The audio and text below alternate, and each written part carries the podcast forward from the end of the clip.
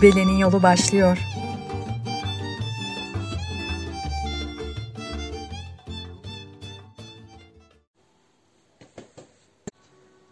Gün olur, alır başımı giderim.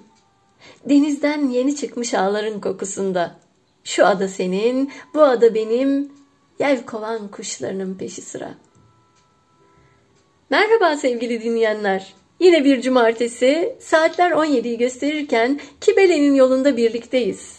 Ben Atiye Kalkan, herkese İstanbul'dan sevgiler diyerek programa başlıyorum. Yaşam biçimlerindeki gelişimler ve değişimler mimariye, mimarinin parçalarına ve dolayısıyla mekanlara yansır. Mekanları ve yapıları oluşturan mimari karakterler ve biçimler içinde bulunduğu çevrenin göstergesidir. Bu göstergeler dokularda, biçimlerde, yüzeylerde ortaya çıkar.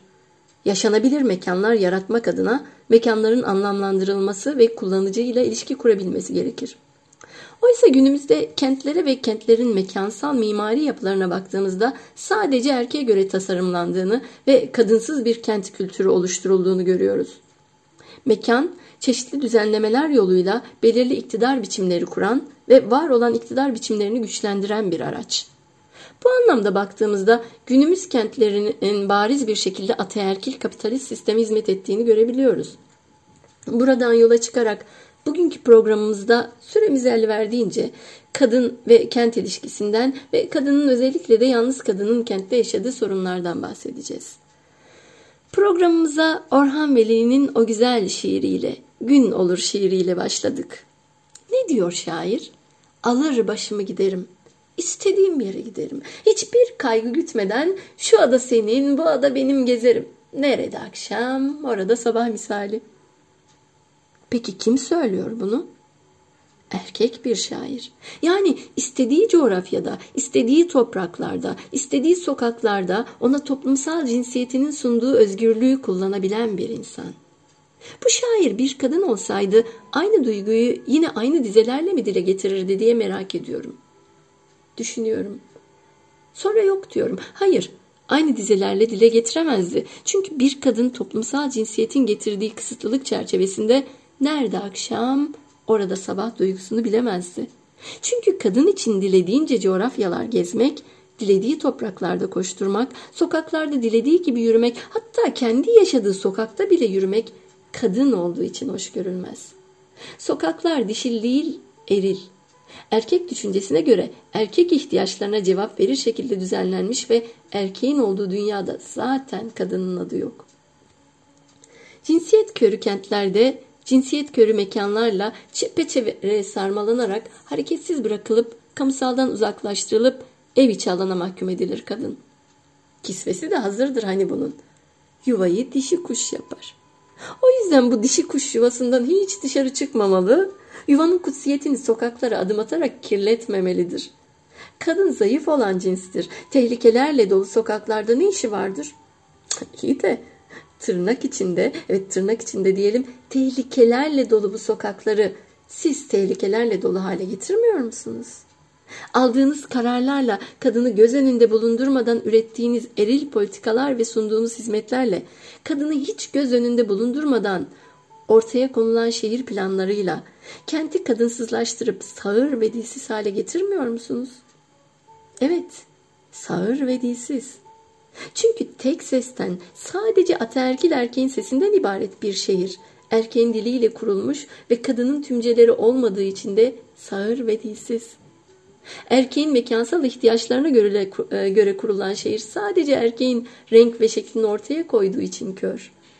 Dolayısıyla kadın sağır, dilsiz, kör bir şehirde kendini ifade edemeden tüm özgürlükleri elinden alınmış bir şekilde ataerkil kent anlayışının ona sunduğu mekansızlaştırma politikalarıyla hareketsizleştirilip eve hapsediliyor sevgili dinleyenler.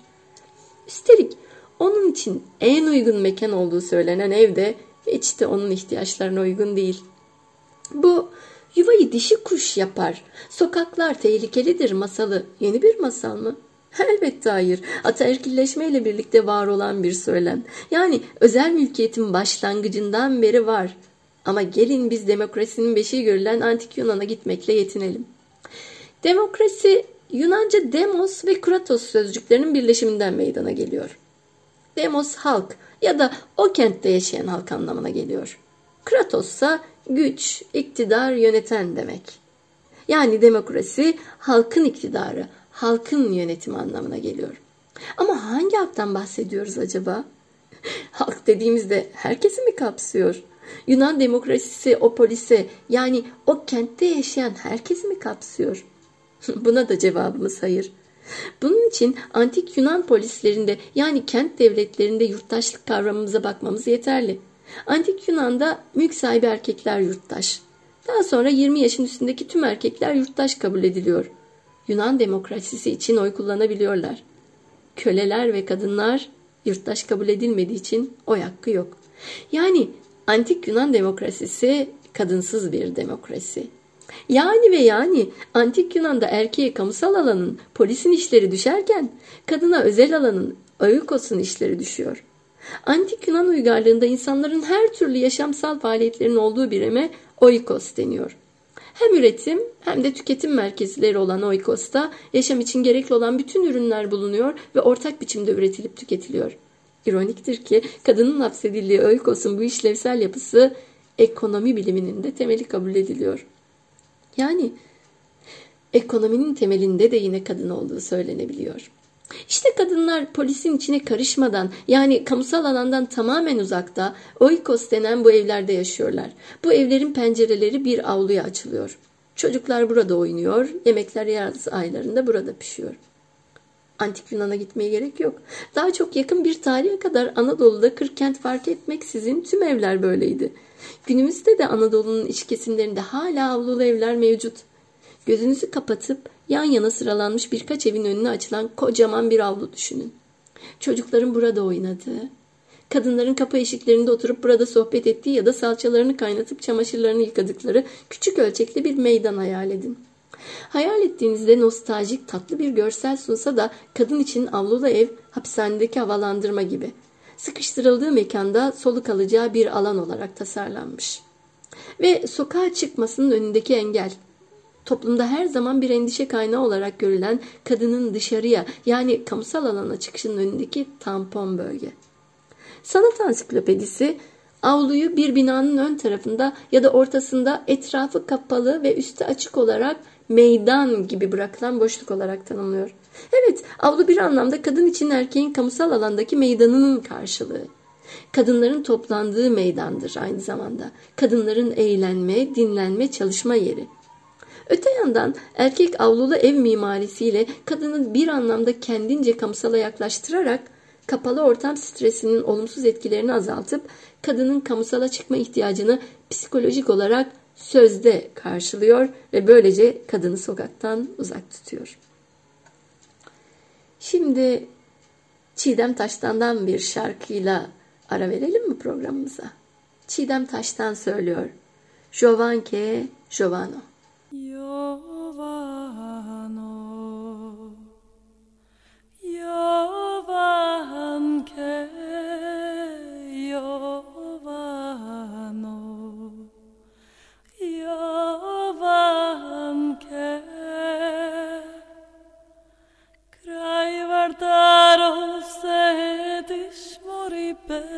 Platno peliš, se na kore gledaš dušo, srce moje Jovano. Kraj Vardaro sediš, mori belo platno peliš, se na kore gledaš dušo, srdce moje Jovano, Jovano, 여와 함께 여와노 여와 함께 bete čekam mori domada mi to A ti ne dogledaš dušo, srce moje Jovano. Yastebete čekam mori doma da mi dojdeš A ti ne dogledaš dušo srce moje Jovano Jovano Jovanke. Jovano Jovanke Tvoja majka mori Tebe ne te pušta Kaj mene da dodeš dušo Srce moje Jovano Tvoja majka morice, Tebe me te pušta Kaj mene da dodeš dušo, srce moje Jovano, Jovano, Jovanke. Kent kuramları ile ilgili çalışanların kent hakkı dedikleri bir kavram var. Bu kavrama göre kent hakkı bireylerin kent alanlarının ve mekanlarının kullanım hakkını, kentsel mekanda zaman geçirme ya da harcama hakkını, yaşayacağı kenti seçme hakkını, özgürlük ve bilgi edinme hakkını, bireysellik hakkını, yerleşme hakkını içeriyor. Yerleşme hakkı da konut ya da barınma hakkını içeriyor. Saydığımız bu haklara baktığımızda hemen kadın bu kentin bu kent hakkının neresinde diyorsunuz değil mi? Çünkü kadın kentin birçok alanını kullanamıyor, zaman geçiremiyor, yaşayacağı kenti özgürce seçemiyor. Bu hak ya babası ya da kocası ya da en yakın erkek akrabası tarafından gasp ediliyor. Bırakın yaşayacağı kenti seçme hakkını, yaşayacağı konutu seçme hakkına bile sahip değil. Özgürlük ve bilgi edinme hakkını kullanamıyor çünkü istediği saatte, istediği koşullarla sokağa çıkma özgürlüğü yok. Tüm kadınların kentsel alana ve mekanlara ulaşabilirlikleri kadınların eğitim durumuna, gelir durumuna, sınıfına, statüsüne, kültürel ya da etnik aidiyetine, yaşadığı mahalleye göre farklılık gösterebilir. Ancak ortak olan nokta tüm kadınların erkekler gibi kentsel mekandan diledikleri gibi faydalanamıyor oluşu ve çeşitli sebeplerle özel alana hapsediliyor olmaları. Kentsel mekan çalışmalarında cinsiyet körü yaklaşımlar var. Kentsel alanda cinsiyet eşitsizliğinin çeşitli şekillerde mekanlara yansıdığını, daha çok erkeklere ayrılmış kamusal mekanlarda, yeterince aydınlık olmayan sokak ve caddelerde, güvenlikli olmayan ulaşım araçlarında, eril hegemonyanın güçlendirildiği kahvehane gibi mekanlarda, çoğunlukla erkeklerin yer aldığı yerel yönetim mekanizmalarında görmek mümkün. Kadınların kamusal mekanları erkeklerle eşit biçimde kullanamamalarının altında yatan sebep kent mekanında toplumsal cinsiyet rolleri aracılığıyla her gün yeniden üretilen ataerkillik.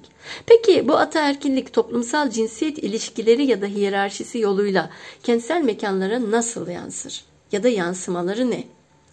Kadın ev içi alanla bakım ve eğitim, beslenme gibi işlerle ve soyun devam ettiricisi rolüyle sınırlandırılır.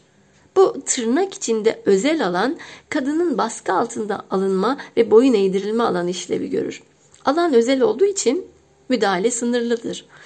Kadınların kentlerde rahat hareket edebilmeleri ve yurttaş olabilmeleri, kamusal alanda söz sahibi olabilmeleri, kamusal alan özel yani ev içi alan ayrımı ile ilişkili. Özel ev içi alan, kamusal alan karşıtlığıysa tamamen toplumsal cinsiyet eşitsizliğine dayalı bir bölünme. Kamusal alan birebir politik alanla, bilgiyle, akılla, erkle ilişkilendirilirken özel ev içi alan doğal olduğu varsayılan arkadaşlık, evlilik, aile gibi gönüllü örgütlenmeleri kapsayan erk ve baskı ilişkilerinden bağımsız bireysel özgürlük alanı olarak görülüyor ve kadınlar politik olmayan özel ev içi alan e, içinde konumlandırılıyor. Kadını akıldan yoksun gören eril düşünce kadınları kamusal alandan uzaklaştırarak özel ev içi alana hapsediyor. Öte yandan kamusal alandaki erkek serbest. Hareketlilik anlamında neredeyse tüm kentin sahibi. Endüstriyel bölgeler, iş yerleri, açık ve yeşil alanlar, otoparklar, ulaşım, alışveriş yerleri, parklar, kahvehaneler gibi kentsel alanlar erkeğe göre düzenlenmiş ve kadınlar göz ardı edilmiş. Mesela kahvehaneleri ele alalım. Toplumsal cinsiyetin kamusal alanda belirgin olarak ayrıştığı bir mekan kahvehane.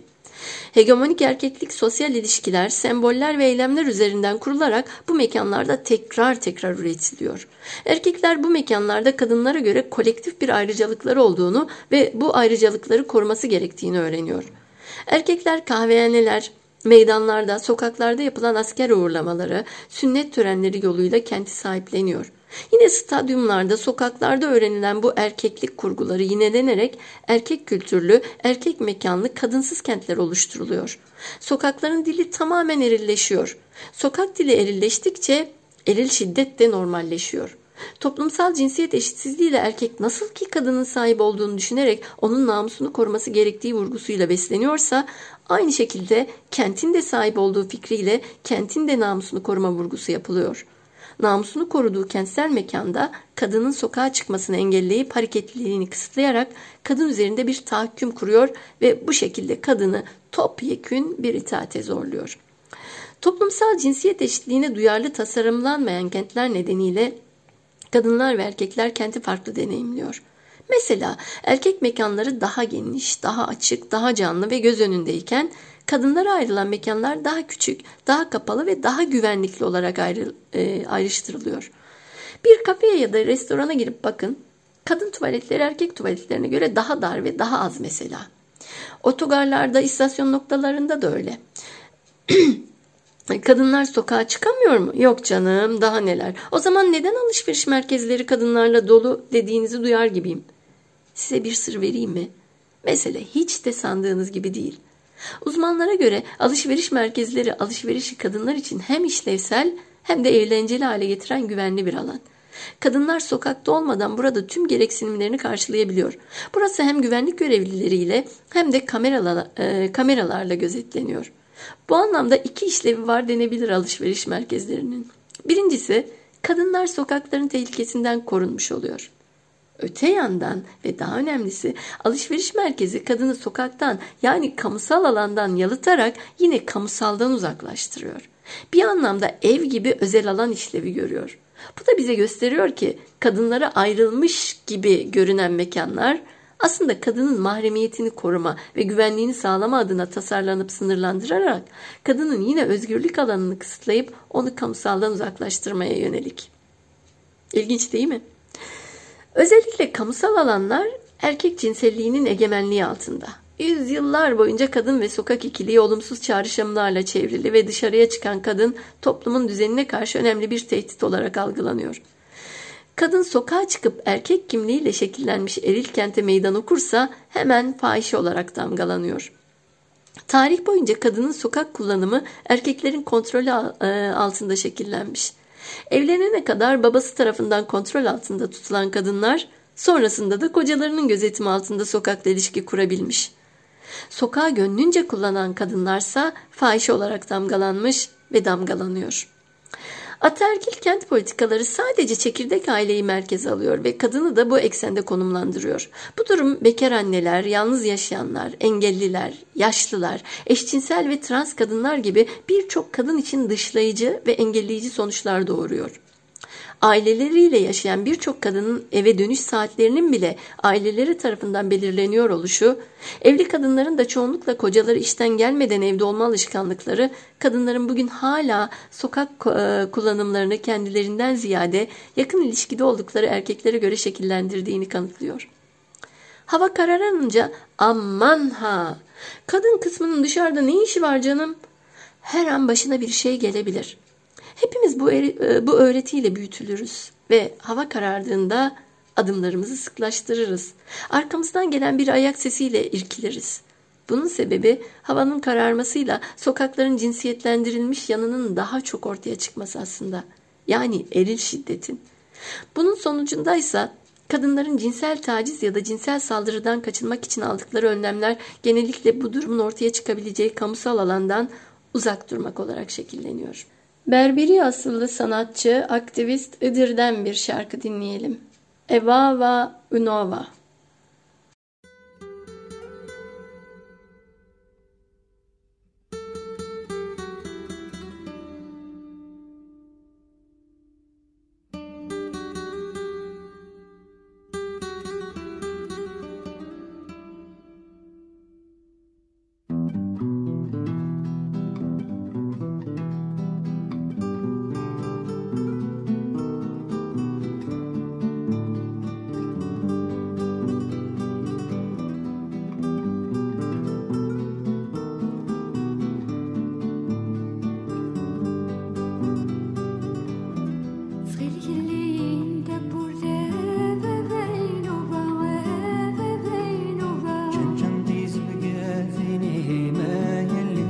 الإبعاد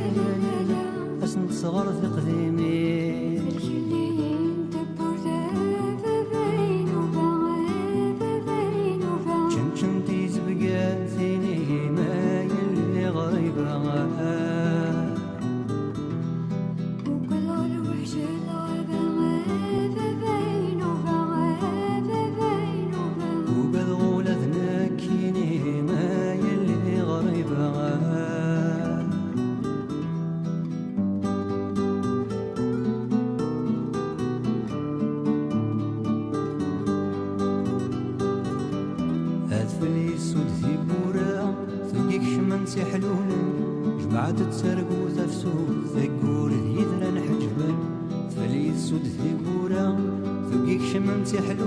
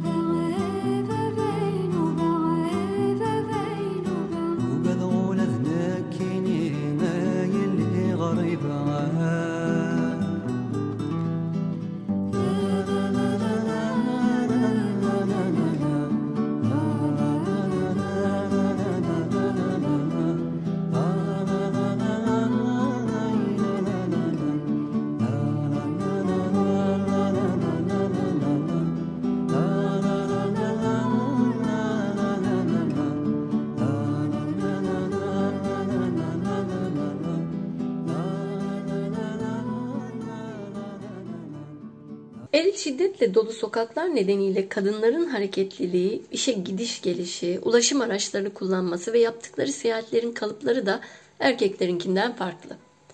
Kadınlar her zaman daha güvenlikli ya da eve en hızlı ve kolay şekilde ulaşabilecekleri ulaşım yöntemini tercih ediyor. Bunun iki nedeni var. Birincisi kamusal alanda çalışıyor olsa bile eve döndüğünde ev ve bakım işlerini yine kadın yapıyor. Yani hızlı hareket edip bir şeyleri yetiştirmesi lazım. Kadınların evdeki işleri ve iş yerindeki işleri arasındaki köprü görevi gören kreş ya da çocuk bakım hizmetleri ve diğer hizmetler ya hiç yok ya da çok yetersiz. Bu nedenle kadın kendi göbeğini kendi kesmeye çalışıyor. Kadınların eve gitmek için en hızlı ve güvenli yolu tercih etmelerinin ikinci nedeni ise taciz ve tecavüz endişesi. Toplu taşıma araçlarını beklerken tehlikeye açık duraklarda güvenliklerini tehdit eden birçok şeyle karşılaşabiliyor kadın. Kalabalık toplu taşıma araçlarına bindiğinde tacizle karşılaşabiliyor. Bir toplu taşıma aracında yalnız kaldığında şoförün e, şoförün taciz ya da tecavüzüne uğrayabiliyor. Yaya olarak yolculuk etmesi ise daha da riskli. Alt geçitler, yürüyüş yolları boyunca devam eden yüksek duvarlar, yetersiz sokak aydınlatması, ıssızlaşmış parklar, dar geçitler gibi birçok tehlikeli alan çıkıyor kadının karşısına. Özellikle hava karardıktan sonra erkekler için bir risk teşkil etmese bile kadınlar için birçok risk unsuru var. Dolayısıyla aynı duyguları yaşamaları da mümkün değil. Erkek için ne giydiğinin önemi yokken hava karardıktan sonra kadın belli bir biçimde giyinmek zorunda hissediyor kendini. Sokaktayken belli bir biçimde giyinmesi için aslında havanın kararmasına da gerek yok. Çünkü belli bir şekilde giyinmezse cinsel saldırıya uğrayabileceğinden korkuyor. Dünyaca ünlü aktivist araştırmacı Jackson Katz'ın 2006 yılında yayınladığı Macho Paradox kitabındaki yer alan e, kitabında e, yer alan e, kadınlara yönelttiği bazı sorular var. Aynı zamanda erkeklere de yöneltmiş bu soruları. Bu soru cinsel saldırıya uğramamak için ne gibi önlemler alıyorsunuz? Aslında sorunun ceva- e, soruya aldığı cevaplar durumun vehametini gözler önüne seriyor. Cinsel saldırıya uğramamak için ne gibi önlemler alıyorsunuz sorusuna verilen cevapların bazılarına bir bakalım. Erkekler diyor ki hemen hemen istisnasız hiçbir önlem almıyorum. Bunu düşünmem bile. Bir de kadınlara bakalım ne diyorlar. Diyor ki bazı kadınlar arabaya binmeden önce arka koltuğu kontrol ederim. Bazıları diyor ki geceleri yürüyüşe koşuya çıkmam. Sıcak gecelerde bile uyurken pencereleri kapatırım diyor bazıları. İçkiyi fazla kaçırmamaya özen gösteririm. Ya da diyorlar ki içkimi bir yere bıraktıktan sonra asla alıp tekrar içmem. Bazısı da diyor ki içkimin önünde bardağa döküldüğünden emin olurum. Büyük bir köpek alırım. Biber gazı spreyi taşırım. Bazısı da diyor ki telesekreterimde erkek ses kaydı bulundururum. Aracımı iyi ışıklandırılmış alanlara park ederim. Asla kapalı otoparkları kullanmam diyor bazı kadınlar. Asansörlere yalnız bir erkekle ya da bir erkek grubuyla binmem diyenler var. İşten eve dönerken rotamı değiştir, e, değiştiririm diyenler var. Ne giydiğime dikkat ederim. Otoyol dinlenme tesislerini kullanmam diyor bazı kadınlar. Bazıları da diyor ki eve alarm taktırırım. Yürüyüş yaparken kulaklık takmam. Gündüzleri bile ağaçlık alanlardan uzak dururum diyenler var. Asla zemin kat dairesi kiralamam. Sadece arkadaş grubuyla dışarı çıkarım. Daima ilk randevuda erkeklerle kamusal alanlarda buluşurum diyor bazıları. Sokakta erkeklerle asla göz teması kurmam diyor. Bazıları da sokakta erkeklere dik dik bakarım diyor tam aksine. Nereye gittiğimi, gideceğimi aileme haber veririm diyor önlem olarak bazıları. Bazı kadınlar da kapı ve pencereler için ekstra kilit taktırırım diyor. Evden ayrılmadan önce garaj kapısının tamamen kapanmasını beklerim diyenler var. Ya da garaja girdikten sonra arabadan çıkmadan önce garaj kapısının tamamen kapanmasını beklerim diyenler var. Ve arabaya biner binmez kapıları kilitlerim diyenler. İşte tam bu noktada o kadar da abartmayın diyen bazı sesleri duyar gibi oluyorum. Bu sesler erkeklerden ve tırnak içinde hayatın zorluklarını yaşamamış ya da kendini toplumun öğrettiği cinsiyet rolünden ayrı düşünemediği için bulunduğu durumdan farklı düşünemeyen ve ekonomik olarak sıkıntı çekmeyen kadınlardan geliyor olabilir. Toplumdaki değer yargıları empati yapma yeteneğini de köreltiyor maalesef.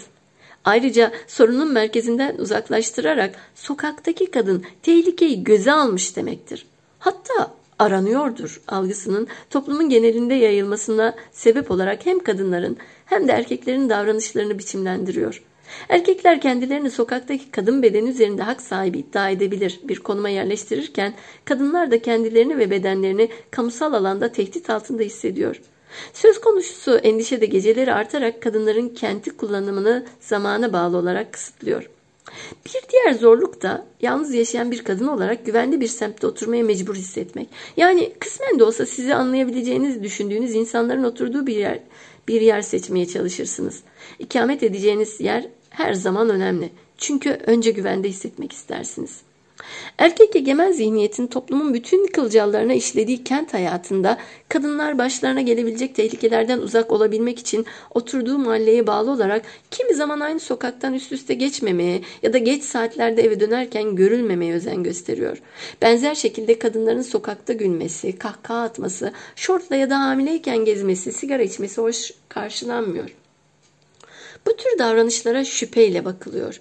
Çünkü toplumumuzda makbul kadın en çok sokakta belli olur. Daha önce de söylediğim gibi özgüvenli, rahat, özgür olursan fahişe, fahişesindir. Bütün bu örnekler kadınların kent hayatına katılımını engelleyen ya da kısıtlayan geleneksel cinsiyet normlarına dayalı toplumsal kültürel pratikler. Halbuki bir kadın toplumda tek başına bir hayat kurabilir, kendini var edebilir. Bunun için hayatına sırf gereklilik diye bir erkeği alması, aile kurması ne o kadının hayatını kolaylaştırır ne de kendini ifade edebilmesini sağlar.'' Türkiye'de dahil olmak üzere dünyanın dört bir yanında sokakları geceleri de özgürce kullanmak haklarını talep eden kadınların düzenlediği gece yürüyüşleri, hava karardıktan sonra kadınların sokağa yalnız çıkmaması gerektiği, çıkanların başlarına gelebilecek tehlikeleri hak ettiği şeklindeki genel yargıyı kırmak amacıyla yapılmaya başlanmış ve her geçen yıl daha büyük kalabalıkları toplayarak devam ediyor.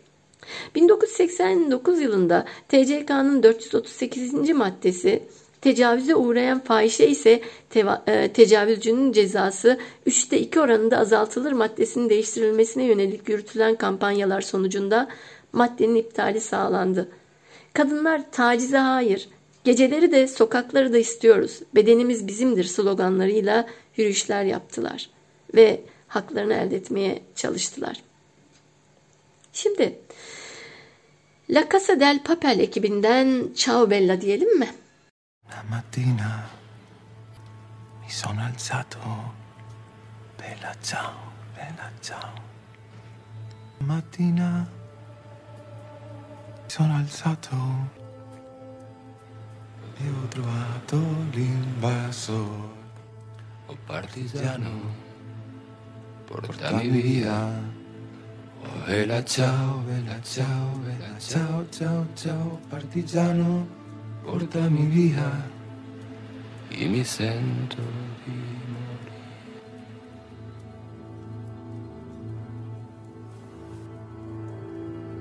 E se io da partigiano, oh bella ciao, bella ciao, bella ciao, ciao, ciao, e se io muoio da partigiano, tu mi devi seppellire seppellire lassù in montagna. Oh, bella ciao, bella ciao, bella ciao, ciao, ciao e seppellire lassù in montagna sotto l'ombra di un bel fiore. E le genti passeranno Bella ciao, bella ciao, bella ciao, ciao, ciao. Le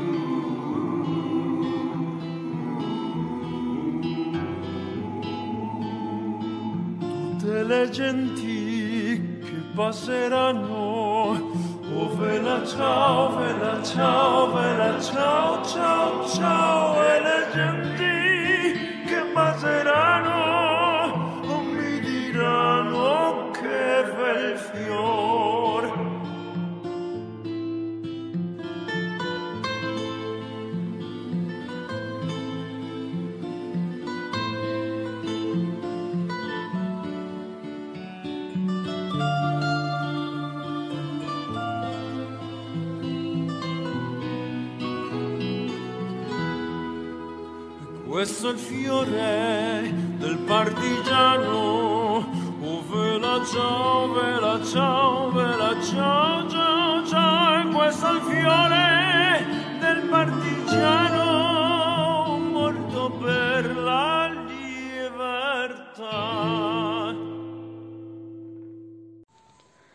Ciao bella, ciao bella. Her kim söylerse söylesin her defasında bir başka güzel değil mi? Evet, bakalım. Bu haftaki kitap önerim sevgili dinleyenler Colette Dowling'in Cinderella Kompleksi. Öteki yayın evinden Selçuk Budak çevirisi var elimde. 1999 yılı baskısı elimdeki baskı. Yenilerde ise Afrika yayınlarından çıkmış yine Selçuk Budak çevirisiyle. Bunu da söylemiş olalım. Peki kitap ne diyor? Kadının yerini, bireyliğini, kadın eş olarak yaşamını ve kimlik arayışını bağımsızlık korkusu çerçevesinde ele alan bir kitap Cinderella Kompleksi sevgili dinleyenler. Çocukken masallarda maceraya koşan yani kamusalda olan prenslere karşılık sarayda yani ev içi alanda bekleyen prensesler var dinlediğimiz masallarda anımsarsanız. İşte prensin gelip onun kahramanı olmasını bekleyen prenses masallarıyla büyütülerek toplumsal cinsiyet rollerini öğreniyor. Kadınlığımızdan, bireyliğimizden, bağımsızlıktan korkuyoruz. Kadın ister hiç eğitim almamış olsun, evde çalışsın, tarlada çalışsın, isterse şehirde akademik eğitim alsın ve kariyer sahibi olsun, içinde yatan Cinderella'yı tamamen yok edemiyor. İşte bunu anlatıyor Darling. Arka kapak yazısına şöyle bir göz atalım. Diyor ki arka kapak yazısında Darling, Yalnız olmaktan nefret ediyorum. Keseli hayvanlar gibi bir başkasının derisinin altında yaşamak isterdim. Emniyette olmayı, bakılıp gözetiliyor olmayı, havadan hatta yaşamdan daha çok isterdim. Çünkü iş bağımsızlığa gelince gerçekten kendi ayaklarımızın üstünde durduğumuz zaman kadınlıktan uzaklaşacağımızdan, sevgisiz, sevimsiz olacağımızdan korkuyoruz. Bağımsız olmak istiyor ama bağımsızlıktan korkuyoruz. Bunun için de başkalarını suçluyoruz. Onları suçlayarak ya da dizimizi döverek özgürleşemeyiz. Bağımsızlık başkalarının bize bahşedebileceği bir lütuf değil. İşte böyle diyor Darwin kendi deneyimlerinden yola çıkarak okura verdiği mesajda. Ve hoşumuza gitsin ya da gitmesin her kadının bu kitapta kendinden bir şey bulacağı söyleniyor arka kapak yazısında sevgili dinleyenler. Evet, kitap önerimizden sonra kaldığımız yerden devam edelim. Ne diyorduk? Kadının dışarı çıkma korkusundan, sokaktaki korkusundan bahsediyorduk. İşte bununla bağlantılı olarak tacizin, tecavüzün önüne geçebilmek için birçok ülkede ve birçok şehirde belediyeler tarafından sadece kadınlara hizmet veren pembe otobüs uygulamasına gidildi. Oysa otobüsün rengi bile toplumsal cinsiyet eşitsizliğini besleyen bir tutumun ürünü dikkat ederseniz. Her şeyden önce e, fiziksel ve cinsel sıkıntılardan ötürü erkeklerin kadınlara yönelik rahatsız edici davranışlarının önüne geçmek için daha köktenci çözümler üretmek yerine bu türden geçiştirici çözümlerin üretilmesi kadınları tahrik eden olarak kurgularken erkekleri de tahrik olan e, olarak kurguluyor ve sarsılmayan bir düşüncenin içine yerleştiriyor. Bunun kent mekanında yeniden ve yeniden üretilmesine neden oluyor aslında.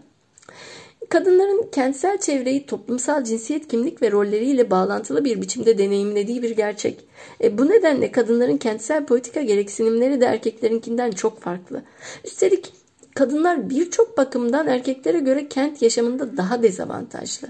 Genelde kamu politikaları, özelde de kent planları ve kent içi ulaşım politikaları oluşturulurken kadınların ve erkeklerin toplumsal yaşamda gündelik hayatta eşit konumlarda oldukları varsayımdan hareket edilerek kadınların bu dezavantajlı konumda bulunduğu görmezden geliniyor.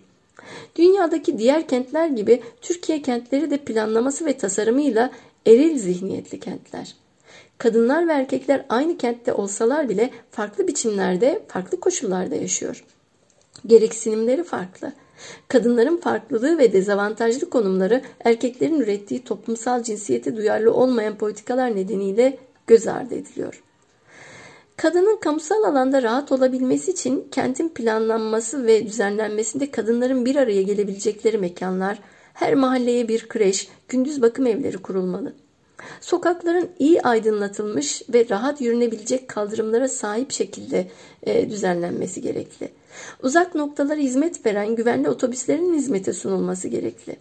Kültür, spor ve dinlence hizmetleri kadınların yararlanabileceği şekilde olmalı. Ayrıca kadınların şiddete uğradıklarında sığınabilecekleri mekanlar, ilgililere ulaşabilecekleri acil destek hatları da yine kent yönetiminin yaptığı planlarda yer almalı. Kadınlar kentin tasarımı ve ihtiyaçlarına yönelik karar alma süreçlerine de sınırlı katılıyor. Kadınların yerel yönetimlerdeki temsil oranları da oldukça düşük. Toplumsal cinsiyet eşitliğine duyarlı bütçe ve düzenlemelerdeki eksiklikler kadınların kentsel mekanda söz sahibi olmasının önüne geçiyor. Bu göz önünde bulundurularak cinsiyet körü, kadınsız kentlerin önüne geçebilmek için daha çok kadına yerel yönetimlerde yer verilmeli. Kadının olmadığı her e, kadının olmadığı bir yerde kadın adına karar vermek erkek egemen sistemin yeniden ve yeniden üretimini sağlamaktan öteye gitmez. Kadınların kent yaşamında daha özgür ve korkusuz var olabilmeleri için kent planlamasında kadınlara da yer verilmeli. Ancak bu şekilde kadın kimliğinin ve kültürünün de yer aldığı toplumsal cinsiyet eşitliğine dayalı yeni kentler inşa edilebilir, icat edilebilir. Bugün de programımızın sonuna geldik sevgili dinleyenler. Bugün dönem itibariyle son programımızı gerçekleştirdik. Eylül ayında yine sizinle buluşmayı planlıyoruz. Madem Eylül'de buluşalım dedik, o zaman Alpay'la sonlandıralım programımızı ve Alpay'dan dinleyelim. Eylül'de gel. Eylül ayında buluşana kadar güçlü kalın, barış içinde kalın, özgür kalın, hoşça kalın.